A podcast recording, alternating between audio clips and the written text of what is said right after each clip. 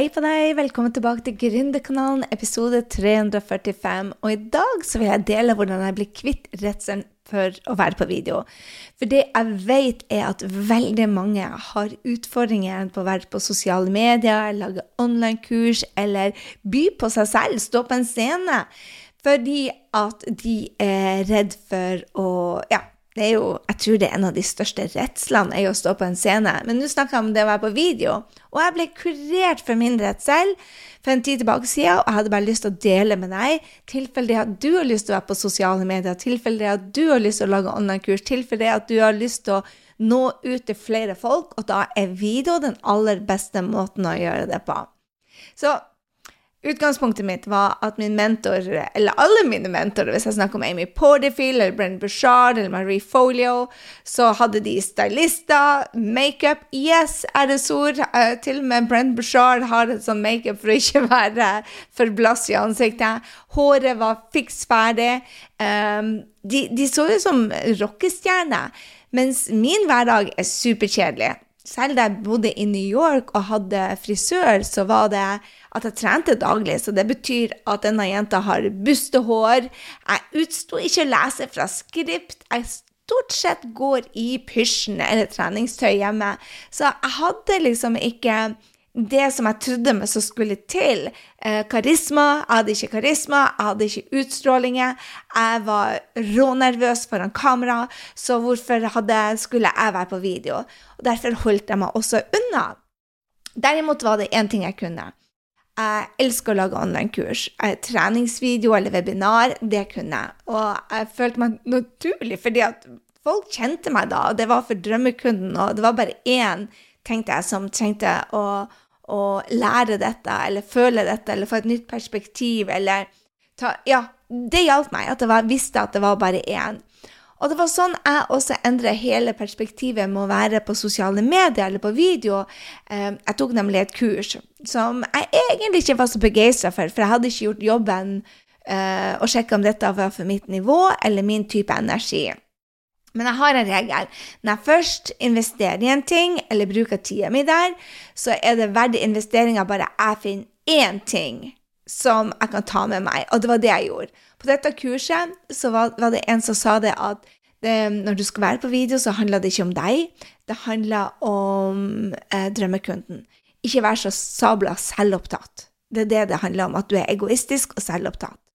Du skal gi verdi. Bare se dum, bare være uten makeup, men del for å hjelpe én person. Og bare det, når jeg tok det kurset, så tenkte jeg bare bare det var verdt hele investeringa på 2000 dollar. For han hadde rett, det handla jo ikke om meg. Og jeg var mer opptatt ut av håret og makeupen. Men jeg er ikke Camilla Pil, som selger skjønnhet, og hun er rådyktig til det. Jeg elsker den dama. Jeg selger kunnskap. Så det at makeupen og håret er på plass for Camilla Pil, f.eks., det kan være viktig. For meg, nops, ikke i det hele tatt. Så jeg trengte å tenke på den samme måten som når jeg er på et webinar eller jeg er på en vanlig treningsvideo, at jeg skulle bare hjelpe én person. Og jeg tenker det at det er også veldig gjenkjennende, for min drømmekunde har også bustehår. Kanskje du ikke har det, men de fleste av mine drømmekunder har bustehår. Mange av dem vet ikke jeg heller, eller i hvert fall bruker ikke det som før i tida heter brunkrem, mens nå kalles foundation, som mine unger sier. Eller min unge Helena sier foundation. Eh, det var Mona Norøy som sa det til meg, meg første gangen. Hun bare eh, 'Tar du på deg foundation?' Og jeg bare jeg trodde hun snakka om grunnmuren i en online-bedrift, og det kan jo man ikke ta på seg. Eller hun spurte om jeg hadde med meg foundation. Og jeg bare hm, hva er det for noe? Det tok meg lang tid å forstå at det faktisk var brunkrem, men det selvfølgelig hadde jeg jo ikke. Så det jeg lærte, var det at det handla ikke om meg, det handla om drømmekunden, og ikke være så sabla selvopptatt. Og det kurerte meg fra å være på video. Så nå tør jeg å være på video om jeg har en blåveis etter en operasjon eller munnsår eller ser sliten og trøtt ut. Bare, jeg tenker bare det som jeg lærte på denne treninga, at det handler bare om å hjelpe én person. Bare én, én person. En annen sånn ting som har også hjulpet meg, er at jeg ikke gjør det for å bli ikke, ikke lag videoer for, eksempel, for å gå viralt. Lær deg hvordan du skal lage dem for å hjelpe flere folk, men ikke, ikke være så opptatt av at de skal gå viralt. Og det er jo litt selvmotsigende, fordi at jeg hjelper jo veldig mange. og Instagram for business, eksempel, der hjelper jeg jo folk hvordan de skal gå viralt. Men det er akkurat som når du skal også tjene penger, at pengene kommer til deg når du har fokus på å hjelpe én person, hjelpe drømmekunden din. Og det samme handler det om når du skal gjøre sosiale medievideoer, f.eks. Om at hvis du tenker jeg skal gi verdi uten å henge deg opp i at det faktisk er bygd opp på rett, rette måte, gjør det gjerne. Gjør det etter boka i starten, sånn at du lærer deg det. Så gjør det taktiske riktige hvis du kan det, og øv deg på det. Men mentalt vær der for den ene ene som trenger å, å, å, å å høre det. Så derfor så ser jeg ikke på likes. Jeg ser ikke så mye på når jeg gir det ut. Det jeg gjør, går tilbake fordi at du vet at enhver business owner må se på tallene sine. Så går jeg tilbake og sier bare 'Hvorfor likte hun denne?' Hvorfor hater hun denne? Hvis det er en som har fått uh, veldig lite likes og veldig lite oppmerksomhet, så likte hun det absolutt ikke. Så hvorfor syns hun ikke det var bra? Så jeg er mye mer opptatt av den ene, ene drømmekunden, at de blir mange, enn å tenke at dette skal gå viralt. Skjønner du? Jeg sier egentlig det samme, jeg motsier meg selv, men det er selvmotsigende. Så det har i hvert fall hjulpet meg å tenke på at ok, jeg gjør det ikke for likes, jeg gjør ikke det for kommentarer, jeg gjør det ikke for å gå viralt. Jeg, jeg gjør de riktige tingene sånn at du har ting som går viralt, men jeg passer på at den videoen der er for den ene ene, for å slippe å ha så mye pressure on me. Og du vet jo det at øvelse gjør mester, så derfor gjør jo så ofte som mulig, så lager jeg disse videoene sånn at jeg kan bli litt bedre og litt bedre og litt bedre. og litt bedre. Jeg tror det er det det handler om, å tørre å, å vise seg selv der ute. Eh, ikke for å vise seg selv, men for å hjelpe den ene personen. Og mens jeg har det her, så kan jeg jo dele det at jeg likte ikke å dele private ting, sånn stories f.eks. Når jeg fikk høre det at det er veldig lurt å ha minst fire ganger om dagen ute på, på stories, og jeg testa det, og det stemte jo som fy. Så tenkte jeg bare oh my god, jeg som har et dønn kjedelig liv, som sover og spiser og, og, og trener og ser en romcom innimellom, jeg har mine daglige rutiner. rutiner.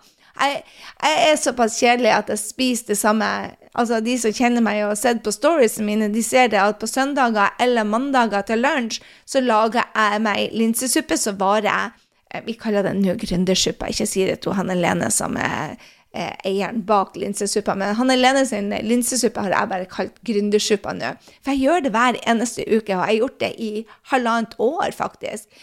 Men det, poenget er det at, poenget er det at jeg, jeg lever et dønn kjedelig liv, og jeg tenkte bare hvem i all verden har lyst til å se jeg lager linsesuppa mi igjen? Men det gjør det at det bygger den der Jeg kjenner Gry. Hun er så kjedelig at hun til og med lager linsesuppa. Og mange spør meg faktisk på mandagen hei, har du glemt å lage linsesuppe. Jeg bare nops, jeg laga dobbel porsjon, så jeg har ei uke til.